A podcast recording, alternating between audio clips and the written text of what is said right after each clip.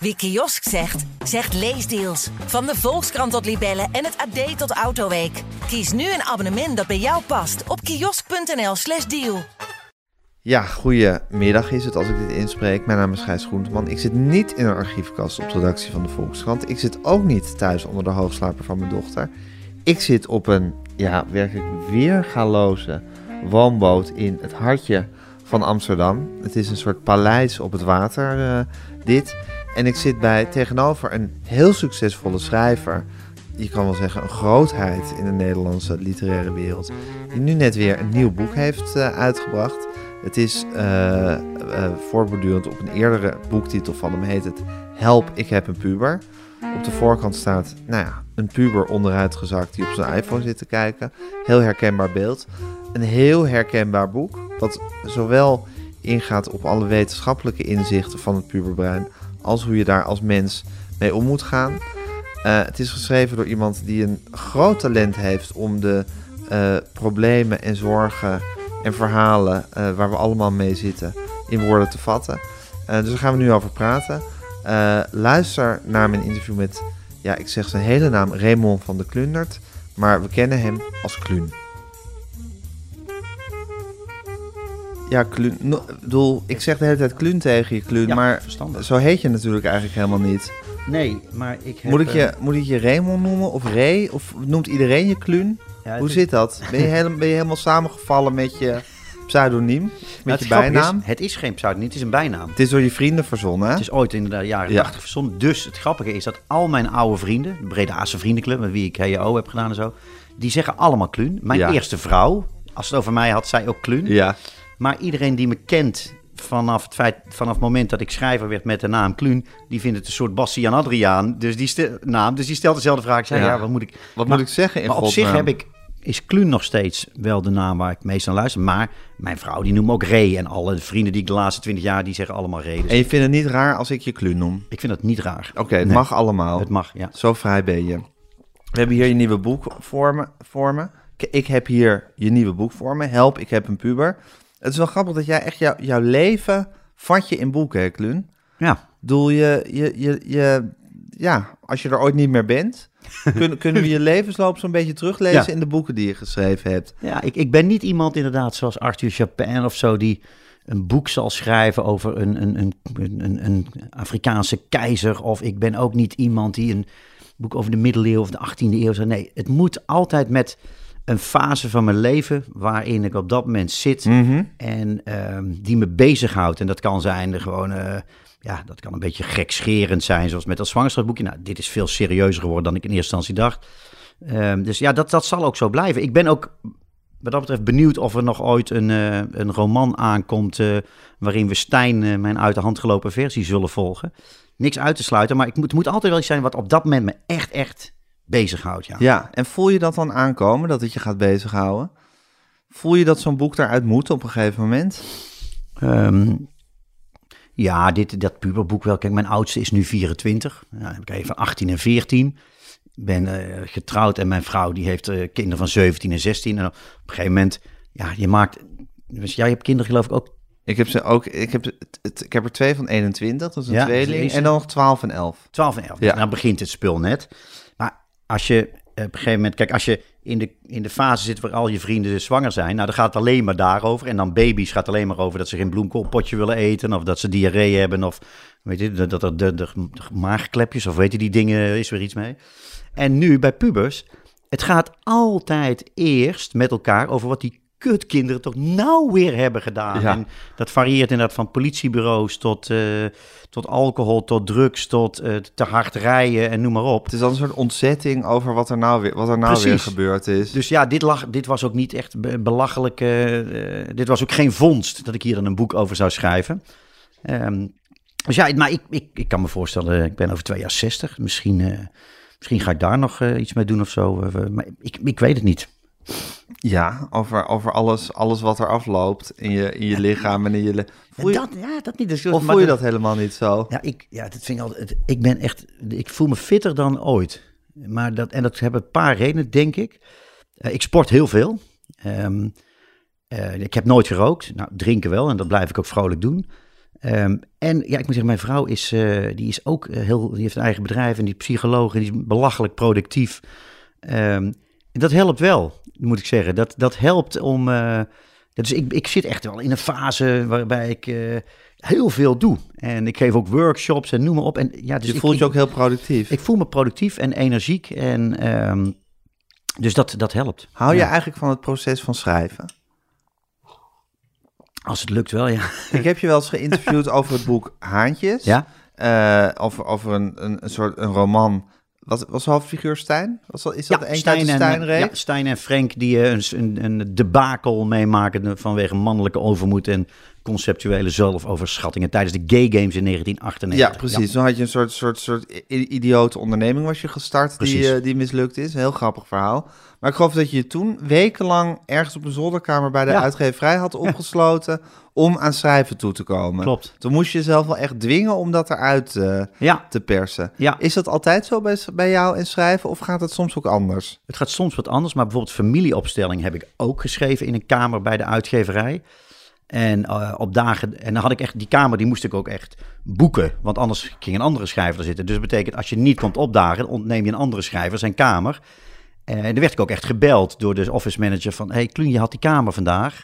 Eh, Ja. Dus dat helpt wel om Hij elke niet dag... voor niks, die kamer. Precies, en Ja. dat hielp wel om er elke dag naartoe te gaan. Eh, en vooral als het, niet, als het niet lekker loopt met schrijven, dan is dat fijn.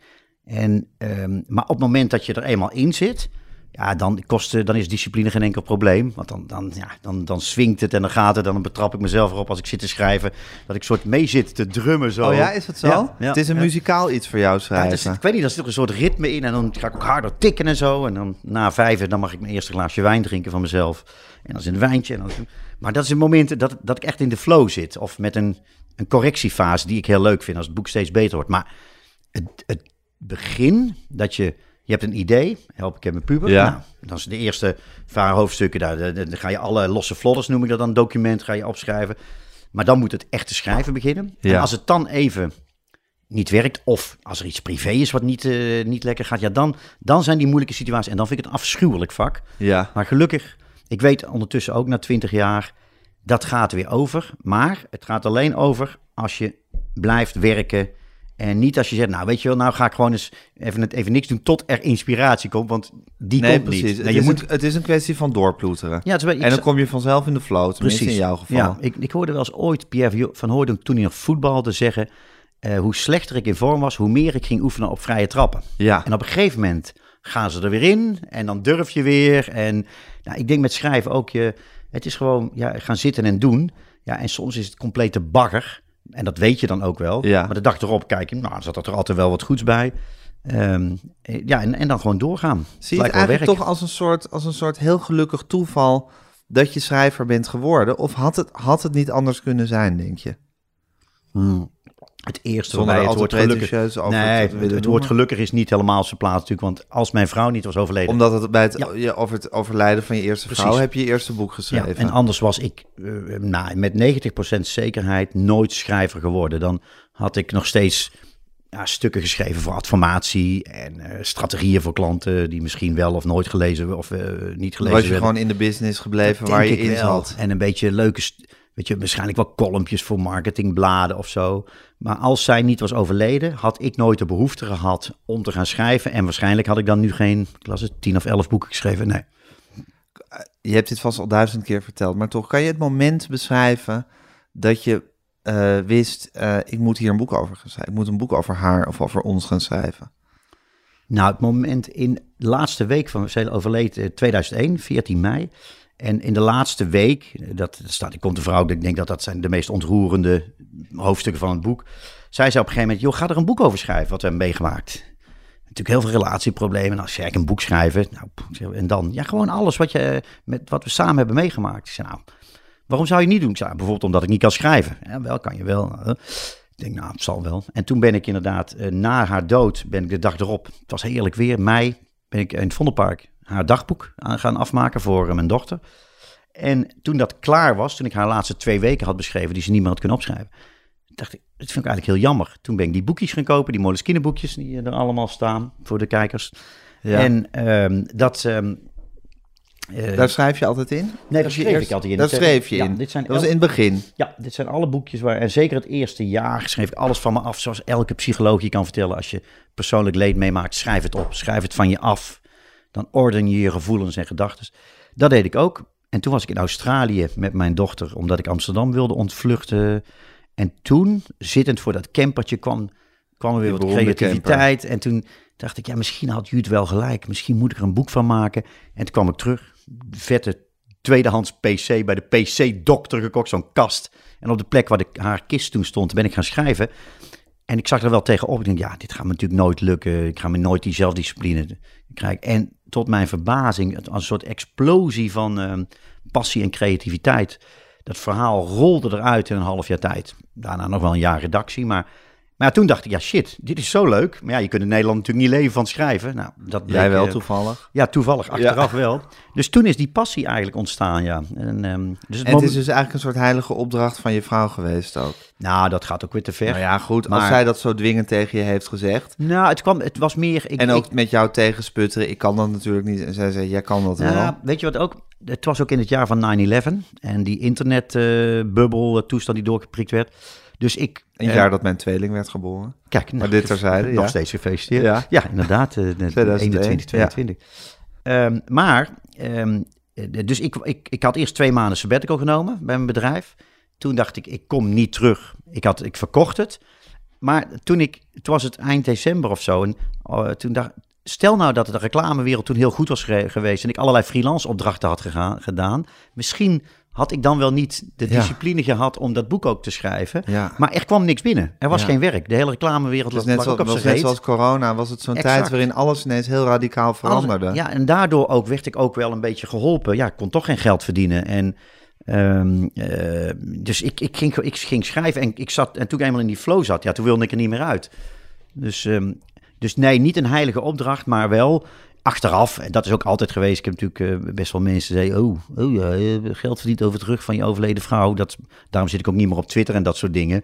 Maar ik heb altijd zelf en mijn vrienden ook en de familie van mijn vrouw. altijd Ja, laat me lullen. Dus het is wel een, een ja, het, het, het hielp wel om dit boek te durven schrijven. Want het was natuurlijk niet een boek waar je populair mee maakt. Ja, en het is dus dat je eigenlijk het procedé hebt ontdekt hoe je gedachten ordent en hoe je je Ja. gevoelens, nou lelijk gezegd, een plekje kan geven of een plek Ja. of een soort soort eh, kan internaliseren of zo. Nou, gevoelens zijn per definitie geïnternaliseerd, maar goed, je kan ermee leven omdat je, omdat je het hebt opgeschreven. Ja, ik, en dat is niet nieuw, dat weet iedereen. En ik, ik geef... eh, Ja, dat weet iedereen, maar het is precies wat je zegt. Want je hebt dus in het begin was het dus een soort werk voor je om het op te schrijven. En op een gegeven moment zat je voor die camper in Australië en kreeg je de inspiratie. Ja, Dus het is ook altijd hetzelfde geweest dat, je, dat, je, dat het eerst ploeteren is, dat je eerst ergens Nou, doorheen moet. Nee, dat niet helemaal. In het begin was het therapeutisch alles opschrijven wat je binnenviel. En de hele dag, ja, als je in de verwerking bent van, een, van wat er allemaal gebeurd is, dan Ja. schrijf je alles op.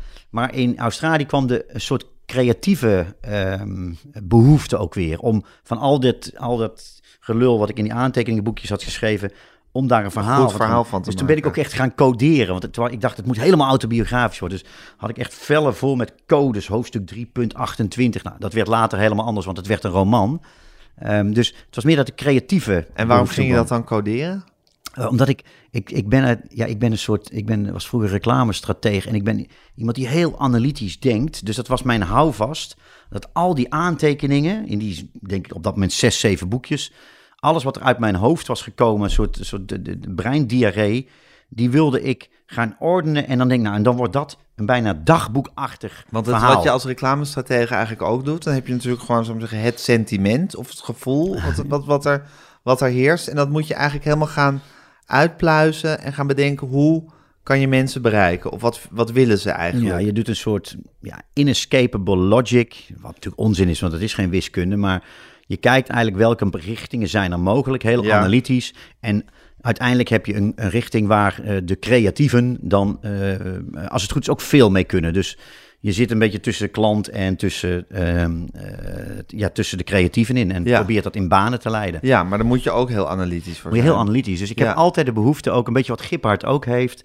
Eh, als je bij Ronald, als hij begint met een roman, dan zit al zijn, zijn muur hangt vol met schema's. En dan zit hij ook echt, dit hoofdstuk moet ongeveer zoveel bladzijden worden en dit zoveel. En, en daar spelen die en die mensen en die scènes zitten daarin.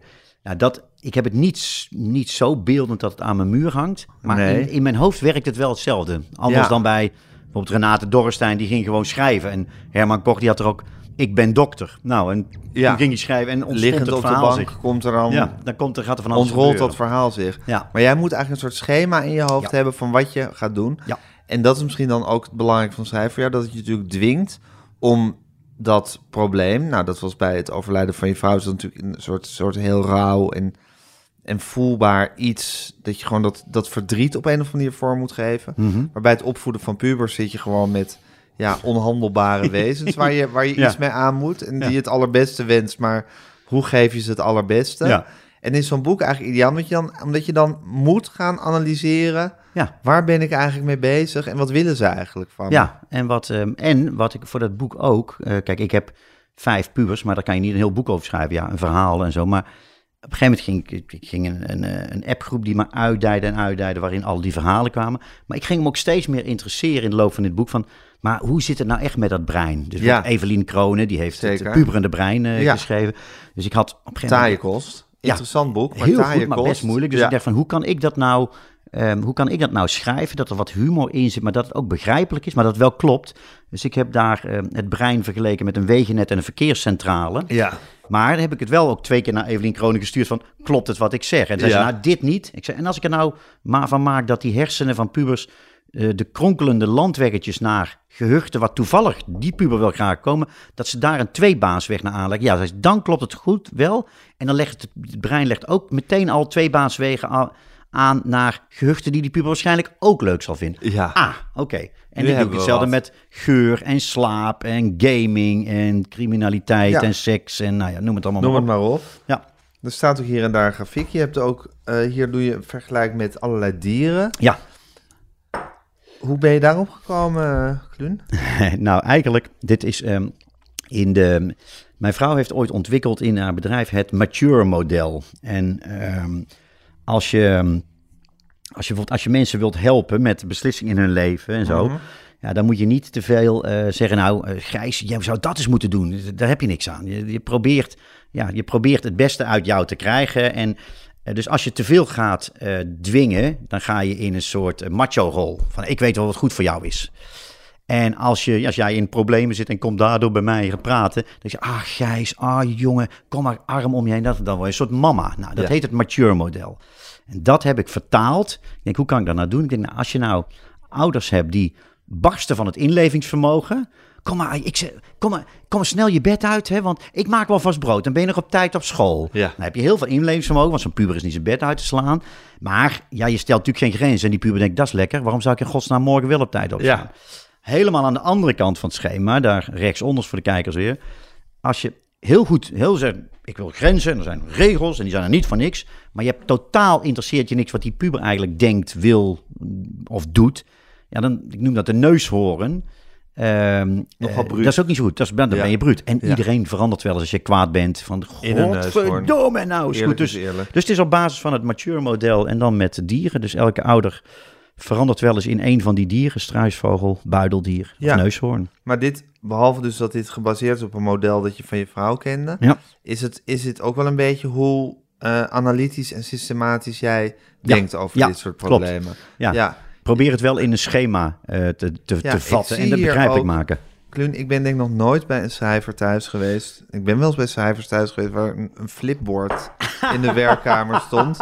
Ja, ja. Wat, wat, wat is dit? Nou, dit is toevallig. Ik zit nu te kijken. Dus, dus het is al even dat papier ziet er best wel geel uit. Ja, dus dat het is niet, niet dat je dit gisteren allemaal hebt zitten Nee, dit is, opschrijven. de, dit is de, eh, de, de opzet van mijn vernieuwde website met eh, dingen. Oh. Maar dat die, dat die flip-over wordt gebruikt. Ik doe, ehm, eh, ik doe workshops zeg maar, voor mensen die gewoon lekker lol willen hebben in schrijven of blogs hebben of wat dan ook. Ja. Maar ik doe hier thuis masterclasses van twee dagen. En dan komt er eh ja, Gippard bij of Stella Bergsma of Sander Donkers of Harminke Bedendorp.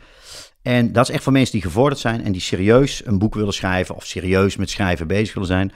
En ehm, dan wordt dat ook gebruikt. Ik zie Ronald nog daar, die, die daar zijn schema's op doen en zo. Dus ik heb hem echt gekocht voor die masterclasses. Oh, eh, oké. ja. Ja. Dit is om les te geven eigenlijk. ja. ja. En dan zit je hier met z'n achter en ehm, te Oké, luisteren. en je geeft dus masterclasses. Dat is echt voor de, voor, de, voor de mensen die serieus aan de roman willen gaan werken. Ja, of echt heel serieuze blog, of hun soort, ja, wat ze in het bedrijfsleven storytelling. Hoe vertel je over je bedrijf gewoon, gewoon niet alleen zo'n marketingpraatje, maar gewoon, wat is het verhaal van je bedrijf? Wat wil je nou eigenlijk vertellen? Wat wil je op je, weet ik veel, op je Instagram of LinkedIn? Maar je vertelt ook aan mensen in workshops van hoe ze gewoon lol kunnen hebben in het schrijven. Ja.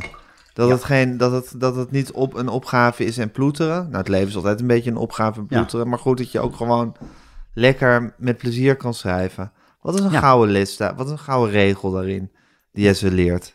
Nou, een van de dingen is details zijn de kroonjuwelen van het verhaal. Dat als je, kijk, hè, de, show don't tell regel kent iedereen natuurlijk, maar Ja. als jij van iemand wil zeggen dat hij, weet ik veel, dat hij eh, eh, arrogant is of dat hij gierig is of zo, hoe kun je dat zo doen? Naar aanleiding van een karaktereigenschap of iets wat hij zegt of iets wat ze aan heeft of Ja. hoe dan ook. Dat we dat concluderen. Nou, dan kun je, elke schrijver zal nu zitten lachen. Ja, dat weten we toch allemaal? Nou, nee, dat weten wij wel door schade en schande. En elke verhalen vertellen weet Ja. dat die. Maar als, als ik, ik krijg dan altijd, ik, ik nodig ze uit om een, eh, een verhaal van 400 woorden te geven aan mij. Dat gaan we dan echt genadeloos fileren. Ja, en die, die show don't telletjes, die zitten er door heel het verhaal in. En dan ga je zeggen, oké, wat kunnen we nou verzinnen? Een detail, waardoor we toch begrijpen wat jij wilt zeggen. Het is natuurlijk niet leuk om te zeggen dat die man te gierig voor woorden was. En ja, dan geef ik een voorbeeld. Philip Roth doet dat heel mooi in Pandemonium. Zegt hij, ja, zijn vader, die, komt, die haalt hij op van het vliegveld. En die vader, die... ehm, eh, de, die, die houdt zijn koffer zo heel strak bij hem. ehm, en lo- lo- loopt zonder te kijken de kruier voorbij, want dan had hij weer 25 cent bespaard. Ja. Bam! Dan heb je meteen die vader, we zien hem voor je. Nou, Ja. dat soort. Of ze, nou, geef ze negen quick wins, zeg maar. Dingen die ik twintig jaar geleden had willen weten als schrijver. Toen ik gewoon maar begon met schrijven. En eh, dus ik garandeer na drie uur, ik kan je niet leren schrijven. Maar Nee. kan je wel een aantal fouten al afleren die anders zou hebben gemaakt. Ja, of een paar gouden regels geven waar je je aan vast kan Ja, houden. precies. En, En, hoe eh, heb jij dat dan gedaan, Kluun, toen je gewoon begon met schrijven? Heel veel lezen. En, Las je ehm, veel? Jawel, nou ja, las je veel. Ik, ik, ik veel verhalen kijken, laat ik het zo zeggen. En lezen en verhalen. En toen waren series natuurlijk nog niet van het niveau zoals ze nu waren. Nee. Maar ik ben, al, ik ben altijd wel... ehm, ehm, ik denk ook dat ik dingen verwerk ehm, om Maar er verbaasd, te maken. ik neem aan dat je, dat je komt een vrouw bij de dokter nog wel eens eh, inziet. Dat je eruit voorleest bijvoorbeeld. Als je ergens... N- niet, vaak, maar als ik Nee? het terug... Ik lees Maar het, de- je, ik zie wel eens een bladzijde vast terug. nog wel eens. Verbaast het je eigenlijk wat je, Ja. wat je toen hebt, hebt neergezet? Nou, als ik het terugkijk... Kijk, het, het, ehm, het verhaal is... het verhaal moest eruit en denk ik... Iedereen vond wat. Het is, je wordt boos, verdrietig, blij, noem maar op. Je vindt iets. En daar ben ik heel trots op. En achteraf, na twintig jaar... eh, sommige zinnen zou ik net wat anders hebben gedaan. Maar dat komt ook omdat ik nou een, een vette vijftiger ben. En toen was ik een dertiger. Ja. Die dacht dat het leven maakbaar was en daar met zijn neus op werd gedrukt dat dat niet zo was. Dus ehm, ik, ik, technisch heb ik, denk ik, ben ik wel wat vooruit gegaan. Zou ook best wel raar zijn als dat niet zo is. Zoals jij als journalist waarschijnlijk Zeker. ook interviews terugkijkt. Oh, dat had ik net wat anders gedaan. Ja. Ehm, maar ik, nee, ik, ik, ik lees het niet eh, terug, maar ik lees er ook nooit uit voor of zo. Nee, dat niet. Nee, maar het is natuurlijk toch eh, wonderlijk of magisch, zo je wilt. Dat je zou zeggen, uit het niks, dat jij eigenlijk die opdracht van je zieke vrouw krijgt. Ja, geen, nogmaals, geen opdracht. Nee, geen opdracht, maar de aansporing. Ja, een beetje, een beetje plagend. Een beetje plagend, ja. Was Ja, het ja. plagend? Ja, zo, doe dat dan. Dus ik keek me zo aan van, waarom dan niet? Ja, nou... eh, en toen later dacht ik, ja, misschien moet ik het echt opschrijven, dat verhaal. Dus zo, zo in, in die proportie moet je het ongeveer zien. Oké, ja. nou goed. Eh, nou, ik denk er zelf dan wel even over Ja. wat voor gewicht ik daarin geef. Goed. Maar goed dat je het hebt gedaan. En dit, dat dat er gewoon... Dat het eruit is gekomen. Ja. Dat is, dat is toch wel... ja, En dat je er zoveel mensen mee hebt beroerd en geraakt. En ja. eh, dat, is, dat is toch wel fascinerend. ja de- jij noemde het straks, de, de- er zit iets magisch om... Het zit, ja, dit is Ja, altijd... jij, ik zei, jij hebt iets magisch om gewoon Ja. soort, soort, zo'n, zo'n onderwerp te pakken waar, waar honderdduizenden mensen mee zitten. Ja, Je hebt je vrouw zwanger gemaakt. eh, het, Pubers. Het, het verdriet, verdriet. pubers. Ja, En dat op een of andere manier zo, zo helemaal tot de essentie terug te Ja. brengen. ja, nou vind ik wel een goede samenvatting Ja. van, mijn, eh, van hetgeen waar ik misschien wel goed in ben. Ehm, ja, dus wat, ja, wat wil je er... eh, Nou, ik, wou, ik wou weten of je, of je, als je, als je nu komt de vrouw bij de dokter terugleest, of je dan eh, ziet van, oh, haha, had ik nu allemaal veel beter aan. Of dat je denkt, hoe kan het toch eigenlijk dat ik uit het niks Ja, dit boek heb geschreven? Ehm, ja, beide. Ik zou, maar het is, ik ben blij dat ik het niet anders heb gedaan. Ik denk de rauwheid, wat je in de muziek ook vaak hebt. Hè, de, de, de rauwheid Ja, van een, precies. dat is, dat is, Als je eenmaal dingen hebt aangeleerd, kan het, kan het ook, Dan had ik ook denk een dat- beetje ervoor gaan staan. Dan had ik denk dat boek niet geschreven en misschien ook wel niet durven schrijven. Ja. Misschien had ik het ook wel het is ook niet. een beetje punk, dat boek. Het is een beetje punk. is, je, gaat, je kent En drie je niet- akkoorden en je gaat het gewoon proberen. Ja, en je, ik, je- en je weet niet. Kijk, ik, als ik had geweten achter dat, dat, die, dat bakbeest van een eh, PC. Dat later een miljoen mensen dat zouden lezen. en dat het in 27 landen vertaald wordt. had ik dan ook die platte humor durven gebruiken die bij Stijn hoort? Misschien wel niet. En nu als vijftiger. Kijk, het is ook de tijd is veranderd. Dus de meest, ja, de meest platte grappen. En die zitten al niet meer in je als vijftiger. Maar ook in deze tijd. Ik heb drie woke dochters. Ja, denk je, oeh, dat zou ik nou niet meer zo hebben gedaan. Nee. Maar dat is wel ook de kracht van het boek. Ja. Dus ehm, ja, het paste denk ik gewoon bij mij ook in die... ehm, maar ook al die... Als ik terug mijn columns kijk in die boeken van Klune... denk ik, oh ja, ja, die moet ik er toch wel weer om lachen. Maar denk ik, ja, dat is wel een andere Klune dan ik nu Ja. ben. Maar dat is denk ik ook de opgevoed charme door van... je eh, dochters. ja, gelukkig. Ja. Die hebben me eindelijk eens een keer op te voeten. Het werd een beetje tijd. Ja. Maar, maar dat vind ik ook de charme. Ja, je weet, ik ben een enorme Springsteen-fan. Eh, dat daar, ja, daar, die heeft dat ook, die born to run-achtige en escape. En dan op een gegeven moment zijn huwelijk, kinderen krijgen, een scheiding. Eh, opnieuw leren in de liefde. Je gaat mee in het leven. En dat doe je als schrijver. Tenminste, ik ook. Dus, Ja. ja. En je kan ook meeleven als lezer of als luisteraar Ja. met zo'n met zo'n leven. Ja, of niet, ook Ja. goed. En verbaast het je hoe schaamteloos eerlijk je over jezelf durfde te zijn? Nou, ik snap eerlijk gezegd niet dat mensen dat niet eh, durven. Eh, ik, ehm, ja, ik vind vind ik het interessant. Ik vind het gewoon wel heel leuk. Ik, ik kijk ook naar mezelf en dan moet ik af en toe ook wel om lachen, weet je wel. En ehm, ik durf nu te zeggen, eh, het- ik, ik, ja, ik durf wel in de spiegel te kijken en eh, denk wel dat ik ben liever de, de, de Raymond of de Kluun of de Ray van nu dan Ja. van 10, 15 jaar geleden. Maar dat schaamteloos eerlijke. Een vriend van mij die zei ooit eens, dat ging, hij zei ja, jij durft de zwarte kanten van je, je ziel of je karakter laten zien.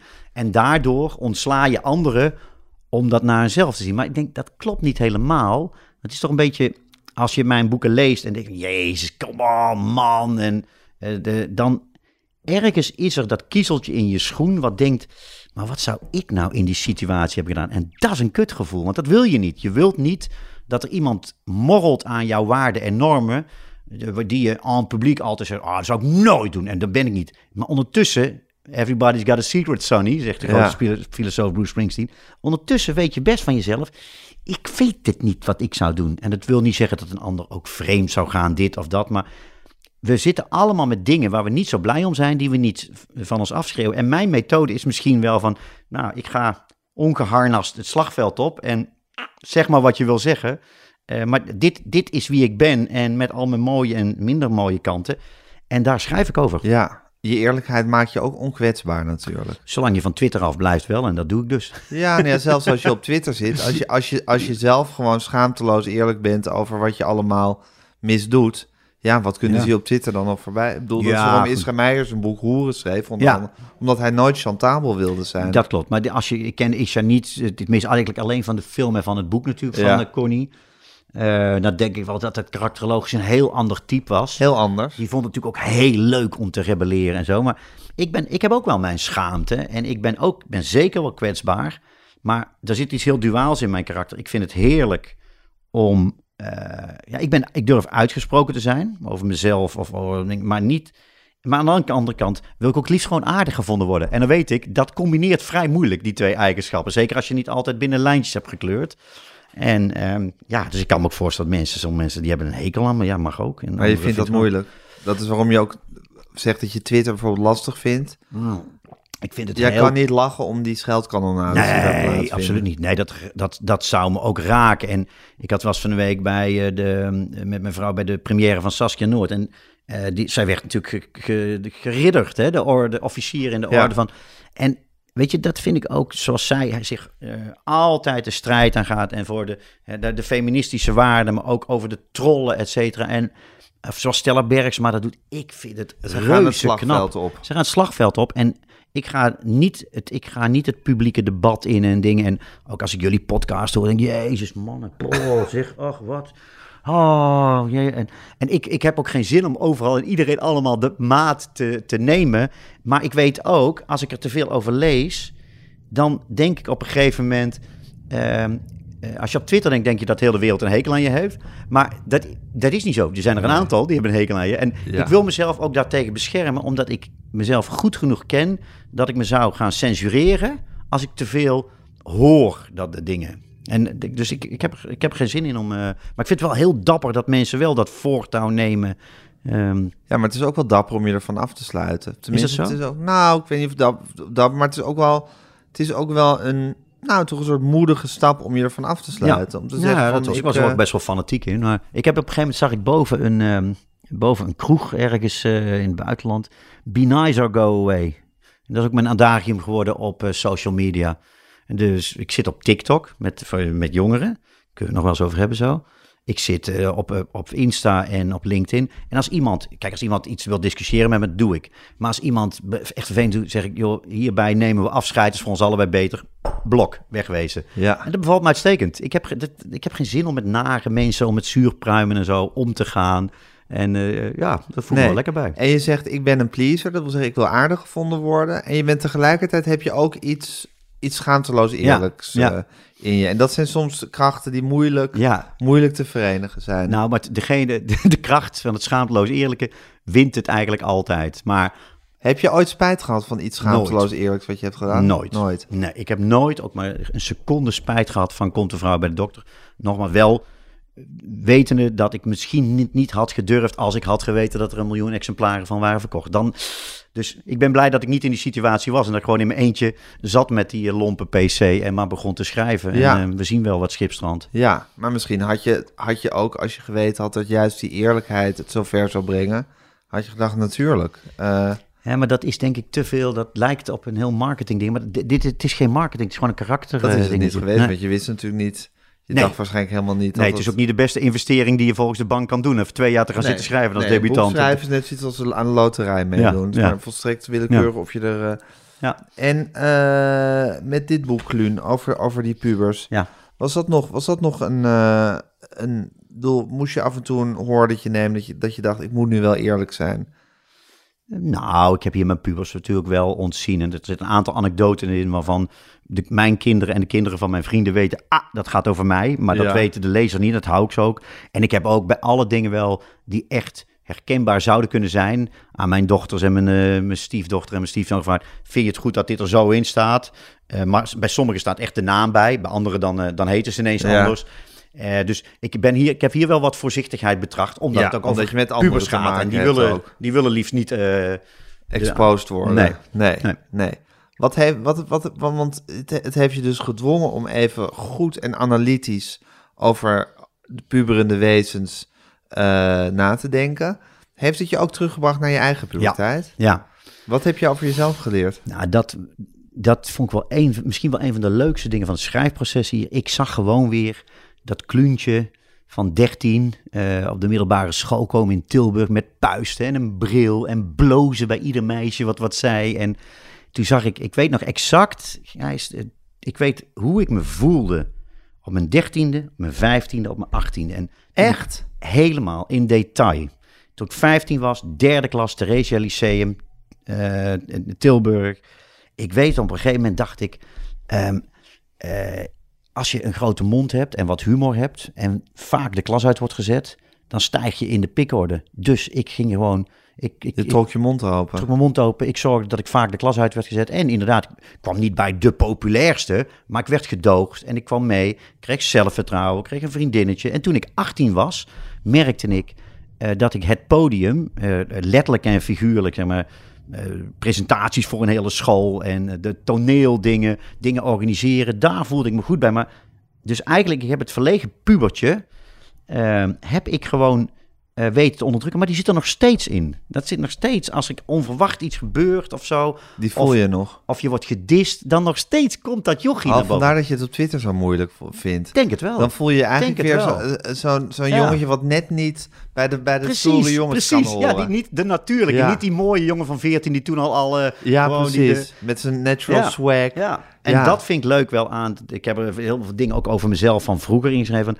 Ik zag weer dat kluntje voor. En eigenlijk hoop ik ook dat dit boek, los dat, dat je er hopelijk wat aan hebt, maar dat het ook een beetje mededoog geeft tegen die, die arme, onhandelbare, roekeloze, niet te pruimen kutpubers af en toe. Dat je denkt, het zijn ook onaf, hè? je brein eh, is, is, Ja. is onaf. Maar dat je ook een beetje terugdenkt aan jezelf, aan het onzekere, zichzelf overschreeuwende jongetje of meisje of zo. Ja. Dat, dat, dat, vind ik wel, dat heb ik weer zelf teruggezien. Ja, want eh, het is ook zo dat, het, dat dat lastige gedrag van pubers vaak ook gewoon grootspraak is. Dus het is gewoon je onzekerheid overschreeuwen. Precies, de, in de onzekerste periode van je leven, ja, die kan je alleen, eh daar kan je alleen maar door, door maar hard te schreeuwen en ook te, te denken dat je alles weet en het ook te vinden en te Ja. roepen. En eh, dat zei de, weet het, een, een zoon van een van mijn vrienden, die zei ja, eigenlijk op jullie leeftijd doet uiterlijk er niet meer zoveel toe, maar bij mij is dat alles, de verkeerde broek, de dingen, de verkeerde Ja. bewegingjes, Ja. kan je alweer iets doen Het is zakken op de ladder. idiote tijd, hè? Het is idioot en het, je trekt je alleen maar aan van,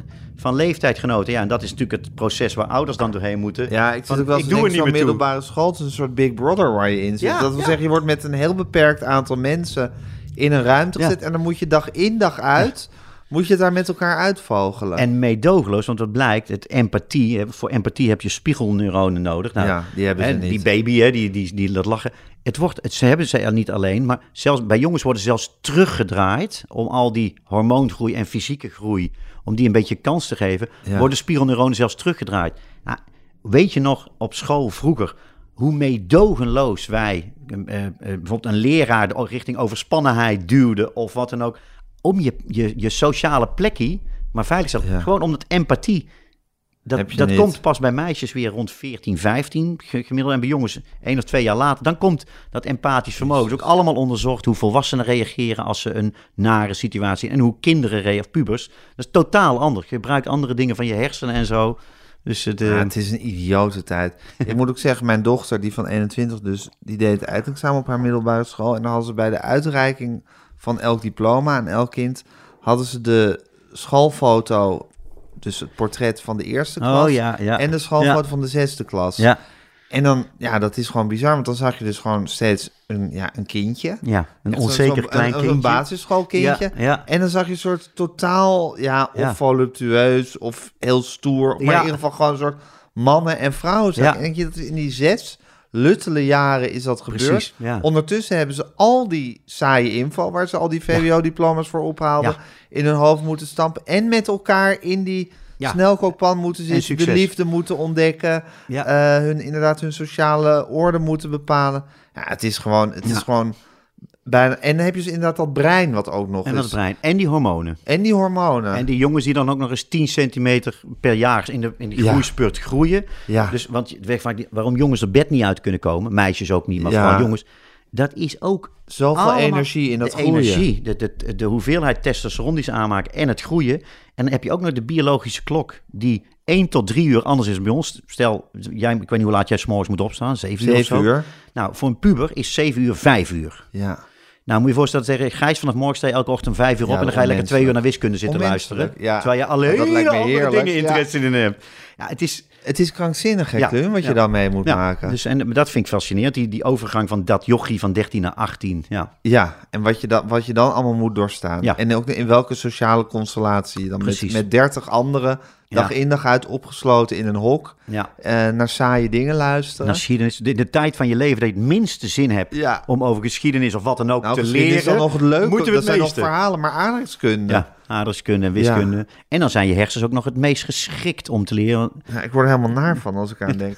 Maar Kluun, jij hebt dus een heel goed emotioneel geheugen blijkbaar. Ja.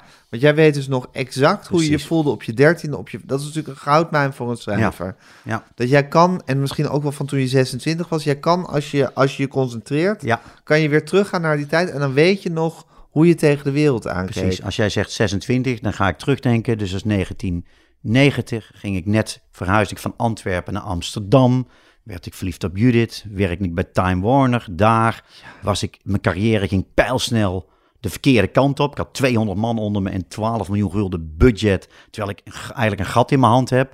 Ik denk, als ik zo doorga, ben ik binnen één of twee jaar heb ik een burn-out. Ik ga stoppen, ik ga naar een reclamebureau.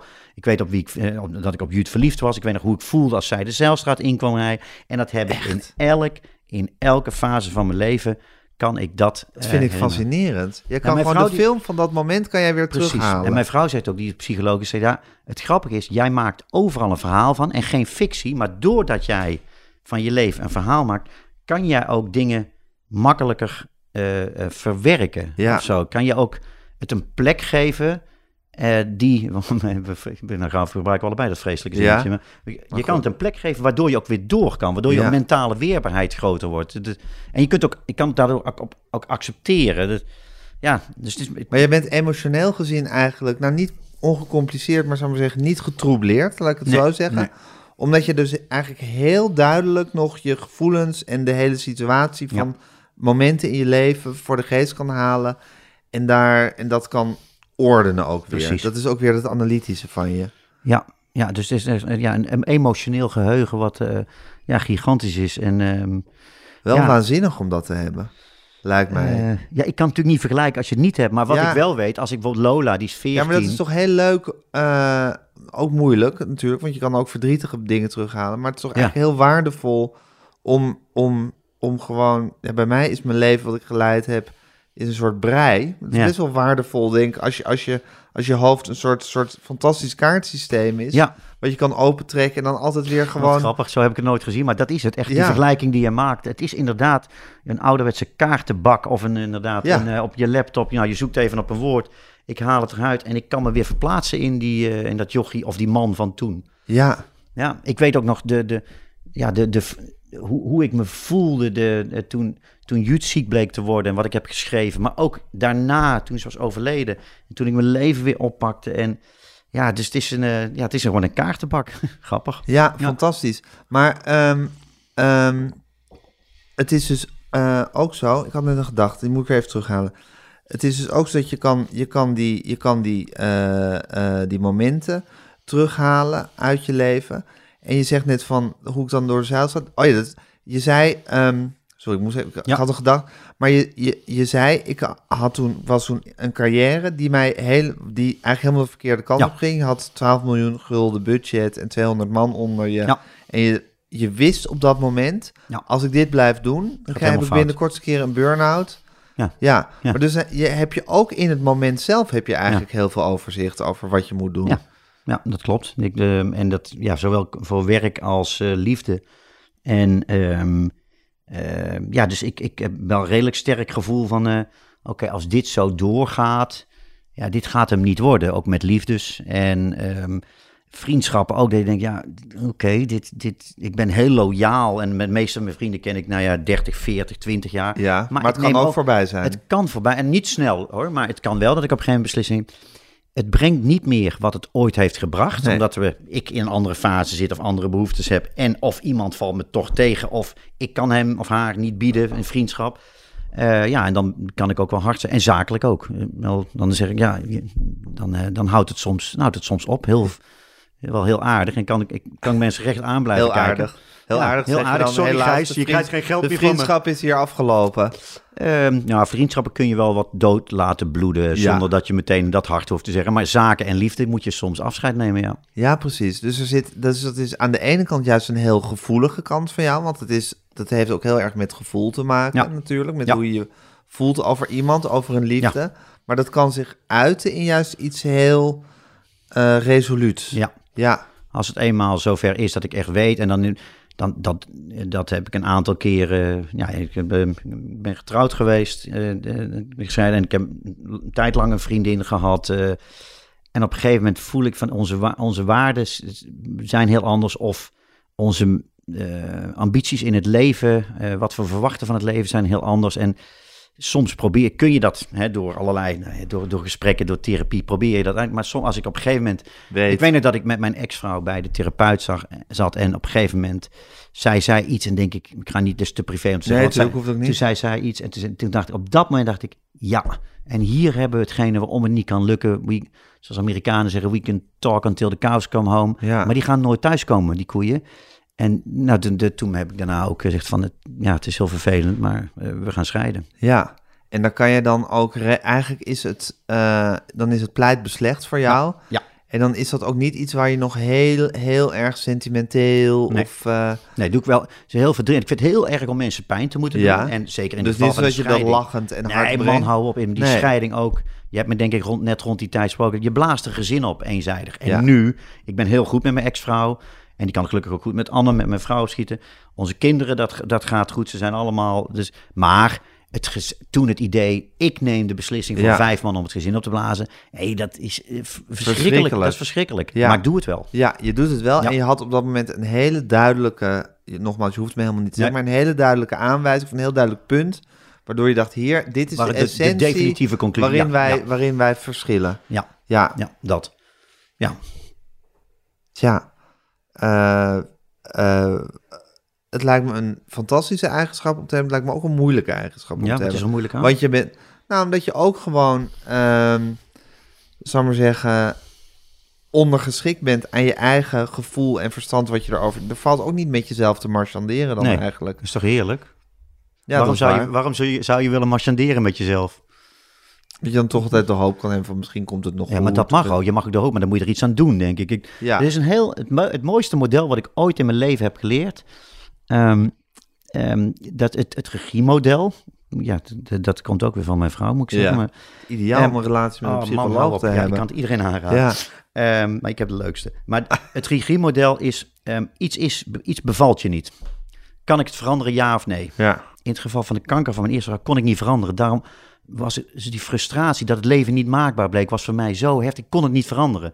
Nou, dan heb je dan, oké, kun je niet veranderen? Dan is de vraag, kun je het accepteren of kun je het niet accepteren? Kan je accepteren dat je vrouw of je man, of je, dat die zo en zo is? eh, kan je dat accepteren? Oké, maar dan ook niet meer over zeuren. Nee. Niet meer over zeuren. Gewoon, dan accepteer je het ook echt. ja. Kan je het niet accepteren, dan is er maar één smaak, weggaan. En zo simpel zit het leven in elkaar, behalve met ziekte of ellende. Maar, en inderdaad, dat- dat is niet eh, voor mij, en niet dat ik binnen een week wegga, helemaal niet hoor. Want ik, ik, ha- ik, ik ben heel loyaal, maar ja. op een gegeven moment als ik Maar er komt een omslagpunt. dat omslagpunt, als ik denk, oké, ik kan het ik kan niet veranderen. Met karakters kun je niet veranderen, niet van jezelf en niet van je partner of van je vrienden. Ik kan het ook niet accepteren. Ja, dan is er maar één smaak en dat is weggaan. En dat lijkt heel simpel, eh, maar ik vrees dat het ook zo is. Nogmaals, voor de dingen die je kunt veranderen. Dat heeft niet met ziekte of eh, persoonlijk leed, eh, wat ons wordt aangedaan door oorlogen, eh, Tuurlijk, armoede of zo. Maar- Tuurlijk. ja. Ja, ja, En vooral dat niet zeuren, dat vind ik ook een heel fijne erin. ja. Zeker. En het toont ook weer aan dat jij dus inderdaad je leven toch ook gewoon in een schema wil vatten. Dat dat, dat, dat, Ja. dat, dat voor jou handig is of dat Ja. het voor jou werkt Ja. om je emotionele huishouding in een wel niet, in, een, in, in, een, in, een, in een soort ja-nee schema te doen Ja, waar, waar een uitkomst in is. Ja, waar Ja. je zelf de uitkomst in bepaalt. En ja, ja. dan wel, eh, nou ja, goed, ik gelukkig ben met me, zowel met mijn En ex gaat dat de hele... Want je moet natuurlijk... Dit zijn natuurlijk hele grote emotionele... Maar Ja. je moet de hele dag beslissingen nemen. Heb ik zin om, om naar dat feest te gaan? Ja, Eh, zullen we uit eten met die zes vrienden? ja, Eh, ga, ga ik mijn boek zelf uitgeven of doe ik het gewoon bij mijn eigen uitgeverij? Zo, zo, eh, er zijn natuurlijk een miljoen beslissingen die je alsmaar moet nemen. Is, maak je altijd razendsnel eigenlijk zo'n ja soort schema in je hoofd? altijd, bijna altijd op gevoel. Met wie ik wel of niet wil, in zee wil gaan of om wil gaan of wat dan ook. Bijna Ja. altijd op gevoel. Maar ehm, ja, wel zoveel mogelijk rekening houdend ook. eh, ik ben ook niet iemand die makkelijk afzegt of zo. Of eh, soms sommige Nee. dingen moeten en dat leer Nee, maar ik ben je mijn ook de kinderen hele dag bezig met zo'n soort beslisboom in je hoofd te maken? mijn- oh nee, het oké. is- ter- Het is een, eh, mijn, mijn, mijn, weet ik veel, mijn, mijn hardware werkt niet anders. Ik, ik, zou, ik, zou niet weten hoe het anders moet. Kan het niet anders. Nee. Nee. Ik kan ook niet voorstellen dat mensen eh 15 jaar ergens werken en maar blijven klagen dat het allemaal... Ik, ik kan ook niet voorstellen dat mensen 15 jaar in een ongelukkige relatie zitten. Ehm, ik, ik, dat- kan je niet voorstellen dat mensen niet het heft in eigen handen nemen wat betreft hun eigen leven. Ik weet dat het, ehm, eh, ik weet ook, ik ken ook al het, eh, dat sommige dingen zitten in je genen, hè, hoeveel Ja. regie je wil nemen, dat weet ik ook allemaal. Maar ehm, ik ben heel blij zitten, dat het in mijn genen zit om het heft wel in eigen handen te nemen. Ja. En ook, ja, in, ja, daar heb ik ook voor een gedeelte denk ik mijn mentale weerbaarheid aan te danken. En dat zei mijn dochter in een eh, interview in het Parool, die zei van ja, wat papa heeft geleerd inderdaad van zelf de regie nemen en niet afhankelijk. Kijk, in de liefde ben je afhankelijk en dat is ook heerlijk. Maar dat je niet eh, financieel afhankelijk wordt of niet eh, emotioneel afhankelijk wordt van jouw geluk, dat dat door een ander gedragen Mhm. moet worden. Dus toen zei dat, zei ik, denk dat dat pa- papa leert ons dat. Toen was ik wel stiekem heel trots. Ik denk, precies Ja. dat wil ik jullie wel leren, lieve meiden. Ja, en dat is dus eigenlijk wat je ook deed op je vijftiende toen je dacht van ja, ik ben nu Ja. net eigenlijk een beetje het verschoppelingetje in de klas. Ja, nou, zo erg was Nou, het niet, maar, goed, maar ik- ik zat ik net tegen... ik bungel ja, iets- iets- ik, ik zat liever net aan de andere kant Ik zat van de... even ja. net aan de andere kant van de streep. Ja. En dat doe ik door een wat iets grotere mond te hebben, er af en toe uitgestuurd te worden en eh, nou, een beetje kabaal beetje te maken humor. op die manier, een beetje humor erin te brengen. Nou, dan ga ik dat doen en dan kom je aan de andere kant van Ja. de streep terecht. Ja. Ja. En dan nog heb je natuurlijk dat je op een gegeven moment dat iemand iets doet, waardoor je weer zo'n boei van de kop krijgt als dat jochie van 13. Tuurlijk. Maar dat hoort erbij. Ja. Het- ik weet zeker nog steeds, als ik, ik voel me op een podium, ik ben nu met Leon Verdonschot en een, een band zijn we, Bruce en wij aan het toeren. Nou, Ja. Op dat podium, ik word zo gelukkig. Maar als er ergens iets zou gebeuren, dat er iets onverwacht en dat ik ineens, dan komt, dan, dan ineens, dan denk ik dat ik nog steeds bloos. Dus dat blijft, eh, dus, maar Ja. ik heb de mechanismes, denk ik, die een volwassene, Zeker. om dat pubertje weg te stoppen, die heb ik wel aardig. Maar dat, denk, ik, dat heeft bijna de iedere volwassene. Ja. Tuurlijk, Ja. tuurlijk. hey, en eh, is het ook, eh lijk je hierin op je vader of op je moeder, denk je? Nou, ik merk wel, mijn vader is, ehm, eh, die is acht jaar geleden overleden, negen jaar geleden. Moeder een jaar of drie, vier. Ehm, daar heb ik familieopstelling over geschreven. De, mijn vader, ik lijk toch wel, mijn vader had ook podiumdrang. Mijn vader was prins carnaval, bingo master, quizmaster en Sinterklaas op, eh, bij Nou ja, Agio Dat lijkt wel een beetje op jouw carrière, vind ik. Precies. Ik Ja. heb ook die podiumdrang, die had mijn vader ook. Mijn vader lulde tegen iedereen en alles. En vooral in coronatijd dacht ik, weet je, als ik ergens, als je dan in, bij de bloemenwinkel mocht je wel buiten staan, maar gewoon even gewoon, ja, het klinkt heel dor, een praatje maken. Ja. Daar, daar werden we in coronatijd gewoon gelukkig van, weet je wel. Ja. Dat je gewoon even kon praten met mensen. Dat heb ik ook heel erg.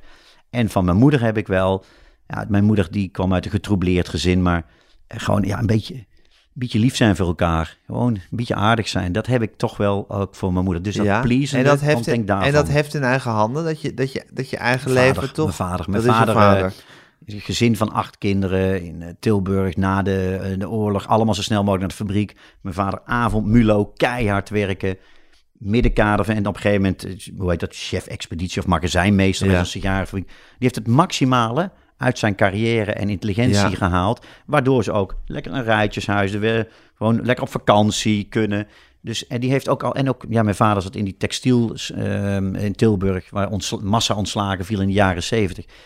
Ja, hij heeft zichzelf herschoold, heruitgevonden en Ja. zo. Dus ik denk wel dat Ja, dat precies. Die had ook heb. een soort diep geloof in de maakbaarheid van zijn eigen leven. Ja, en Ja. hij eh, alleen, en dat hoop dat eh, de, ik heb met mijn huwelijksspeech eh, van mijn vader en moeder zijn echt 60 jaar verliefd geworden. Zoals mijn zus kan zeggen, de lat lag ook wel heel hoog. Hè? Ja, En dat, de, de- dus daar, dat, dat want is je ouders ik die waren altijd, die waren, altijd tienertjes met z'n tweeën. Mijn vader, die overleed op de 11e van de 11e, hoe verzin je het? Ja, S morgens om 11 Elf uur. Brabander. 11 uur, Ja. 11 hebben mijn zus en ik van gemaakt. Het was eigenlijk 12 uur, maar dat vonden we Ja. mooier. En toen lag hij in de kist. En eh, toen stonden we smiddags laat stonden we in het ouderlijk huis met mijn zus en eh, met haar man. En met mijn kinderen naar zijn- mijn vader te kijken. En toen zei mijn moeder, die pakt niks van. En toen zei mijn moeder, dat vind ik echt een van de mooiste dingen ooit in liefde. En we hebben het vanochtend nog samen gedaan. Echt? Ja, echt. Ja, ja, dat, ja, dat vind ik zo. Die zijn tot eind verliefd geweest. En eh, ja, daar heb ik ook. Ja, vind ik echt heel veel van geleerd. Ehm, ook hoe, eh, Hoe het niet moet. nou, Ja, nou, nou, vooral hoe mooi, hoe mooi het, het kan zijn als je de juiste hebt gevonden. Ja. Mijn vader en moeder, ja, die hadden elkaar vroeg gevonden. Wat veel mensen in die tijd deden. Maar dat eh, heb ik altijd wel heel mooi Ja, maar is dat nou een instel, een, zou maar zeggen, een, ook een keuze die ze hebben gemaakt om gewoon verliefd te blijven op elkaar? Of is dat een goddelijk geluk Nee, dat dat je elkaar vindt? Er is er steeds meer blijkt ook dat je, weet je wel, er zijn twee dingen die je zegt van oké, mijn intentie is dat ik bij jou blijf. En dat lukt natuurlijk niet altijd, want hè, dat is te gaan. De intentie is en ik ben er voor je als er problemen zijn. En ik denk dat daar een beetje de lakmoesproef van een relatie zit. wil ik er echt zijn voor mijn partner? Hè, van als er morgen, stel jouw vrouw belt nu op en ze zegt fijn, huilend. Nou, dan hoop ik voor jou dat je meteen dit afsluit. Ik ga naar naartoe. Dat is Ja. het belangrijkste. En ook, oké, hard times come to us all, maar ik wil erbij blijven. Ik denk dat dat een beetje de essentie Maar wat is. zijn, wat zijn wij dan voor sukkels, Kluun, dat we er zo'n potje van hebben gemaakt met allerlei verschillende leggen en weet ik joh, veel denk, wat. ja, ik denk ook, Gijs, dat het een beetje... Ja, het- je hebt toch dat... Het is van, dan kom ik met een schema van je bent eerst... Wat is het ook weer? Je bent eerst onbewust onbekwaam. Nou, dan ben je bewust onbekwaam. Ja. En dan ben je... En uiteindelijk ben je bewust bekwaam. Nou, weet je, het is ook een beetje s- struikelend leren. naar de dood. We leren. En, eh, Ja, maar jouw ouders zijn gewoon op hun zeventiende, weet ik veel hoe laat ze elkaar, of wanneer ze elkaar ontmoeten. ja, ja, 15 en 18. Ja, en gewoon huppakee, we gaan ervoor. Ja, maar mijn, ik denk dat toch misschien... Mijn zus die, heeft, eh, die, die, die woont in Tilburg en leidt een 21ste eeuwse versie van het leven van mijn ouders. Ja, ik heb toch altijd wat andere dingen in het leven gehad. Misschien wil ik ook wel te veel en zo, maar dat vind ik ook weer niet erg. Dus ik denk niet dat er... we willen het, het uiterste willen, uit het ja, we leven. willen, en we willen creatief, willen we dingen doen. Hè. Ja, je ja, bent en met willen het uitgedaagd worden en het moet spannend worden. zijn. Precies. En eh, we, we nemen niet geen genoegen met de camping in Eersel, zoals mijn vader en moeder deden. Maar we willen iets van de wereld zien. Dat willen we als twintigers al. En dat is toch eigenlijk verschrikkelijk? Dan? nou ja ik, Ja. ik zou ook weer niet willen ruilen met dat leven van eh, mijn ouders. Nee. Nee. Maar je lijkt dus op je vader in dat het, In dat het stuk wel. In, in, de, in de maakbaarheid van, van je maakt gewoon wat van je eigen leven. Ja. En als je ontslagen wordt, dan ga je jezelf omscholen. En Precies. ga je een nieuwe carrière maken. Ja, ja. En, niet en ook als je... En niet blijven zeuren en oh, en wat heb ik het toch slecht getroffen. Ja, er worden zoveel mensen ontslagen en er gebeuren veel erger dingen in de wereld. Dus come on, weet je, dan... eh, ja, en dat, nogmaals, dat is het voor heel veel mensen. Soms lukt dat niet, of omdat het niet in je zit, of omdat je... Ja, op het moment dat je echt ziek wordt of eh, zwaar overspannen, of, dan is het allemaal anders. Dat weet ik ook. Tuurlijk. Maar als je... Nou ja, of zoals jij, als je, als, je, als, je, als je vrouw overlijdt, Precies. de moeder ja. van je kind. Ja, Ja. maar ja, er zijn ook, eh, weet je, de boeken van eh, mensen die een concentratiekamp hebben meegemaakt. en persoonlijk leed maken we op een of andere manier allemaal mee. Mijn vrouw Ja. is overleden. Er zijn mensen die verliezen een kind. Er zijn mensen die komen in een rolstoel terecht. Er kan zoveel... We maken Ja, het allemaal En niemand blijft er helemaal van. Niemand blijft ervan verschoond. Dus Nee. ik heb niet... Ja, bij mij is dit gebeurd. Ja, nou, maar ik, bij al mijn vrienden... eh, gewoon ontslag, failliet, Dat op. toen met die camper naar Australië bent gegaan, al waar de creativiteit op gang kwam. Hoort dat, hoort dat, hoort dat dus ook bij jou, soort, soort, Ja. soort maakbaarheidsdrift? Ja, Ja. ik, had, ik, ik kon in Amsterdam mijn, mijn, leven niet op de rit krijgen. want Het leefde even te wild en zo. En toen, ik had mijn vrouw beloofd in de laatste uur, ik zou goed voor je dochter zorgen. En op een gegeven moment dacht ik, ik weet niet of dit de definitie daarvan is. Ik denk, oké, ik moet weg. Als ik niet erin slaag om een ander leven, moet ik weg met mijn dochter. Zo ver mogelijk weg naar een land waar ze ook Engels spreken en normale wc's en dokters hebben. Oké, Australië. Nou, en daar heb ik het hervonden. Maar ja, daar ben ik ook wel... Daar, daar ben ik nog steeds wel trots op dat ik dat toen heb gedurfd. Ja. En, eh, want iedereen zei natuurlijk, doe dat nou niet. En je verkoopt je bedrijf niet en je weet maar niet. En ja, ja, maar jij weet altijd heel goed wanneer je jezelf tot de orde moet roepen. Ja. Deze carrière kapot. is niet goed, want dan krijg je Ja. een burn-out, moet iets anders gaan doen. Ja.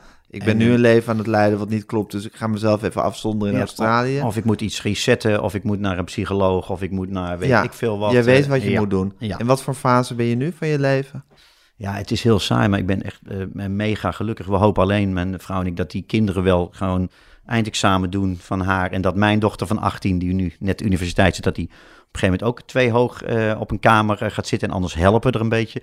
Dus ik ben in een heel gelukkige fase, maar dus ik zou wil samenwonen. En ja, ik, ik wil nog wel veel maken. Ik weet nog niet precies wat, maar ik vind het, dus die fase zit er nu. Ja, ja. Ja, Maar je hebt nu eigenlijk het gevoel van, ik moet mijn kinderen nu even goed de wijde Ja. wereld in helpen. Ja. Ik moet, want je, je hebt eh, een soort latrelatie met je echtgenoot. Ja. Je zegt, eigenlijk moeten we gewoon samen ja. eh, wonen. En dan moet er een soort nieuwe, nieuwe spurt van creativiteit Ja, komen. nou, die is al wel bezig, maar het is nu echt inderdaad van eh, ja, de, de, de zorgen en kinderen en, en gewoon leuk leven en Ja. lol hebben samen en optreden en boeken schrijven en, en, en.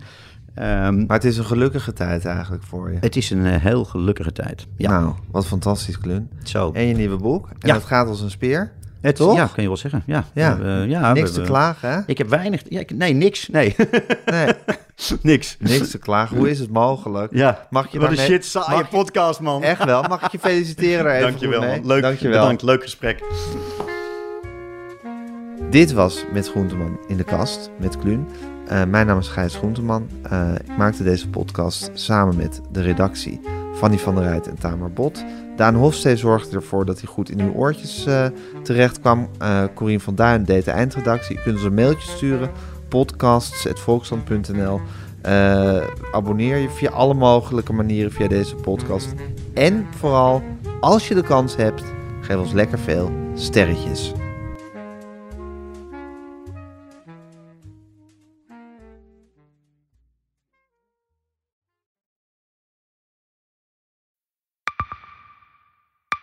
Zijn leven is overhoop gegooid. Plus dat heel veel mensen hem niet geloven. Vrienden niet, die, die denken, ja, hij is gewoon gek geworden. Hoe naar moet dat zijn? Als je vertelt over de meest indringende ervaring uit jouw leven en niemand gelooft dat je het echt hebt meegemaakt. Ja, ik vind zelf niet dat ik het verzonnen heb, maar sommige mensen denken dat wel. Maar hoe kom je erachter of jij je doelwit bent van een geheime dienst?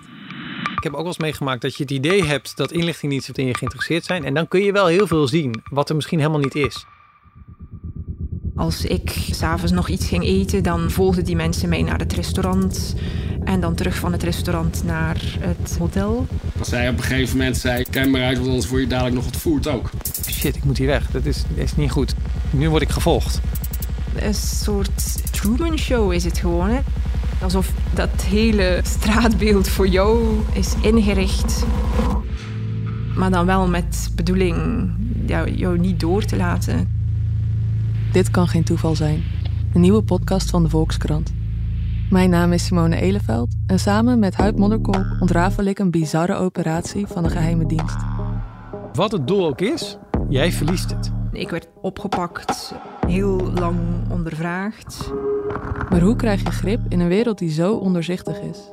Als je zou liegen, dan zou je niet de meest relevante informatie twee jaar later tussen neus en lippen doorvertellen. Er zal nooit iemand zeggen: Oké, Bart, ik geloof je.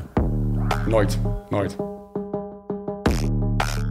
Dit kan geen toeval zijn. Vanaf 3 oktober bij de Volkskrant. Ik weet niet of ik ook alles kan vertellen.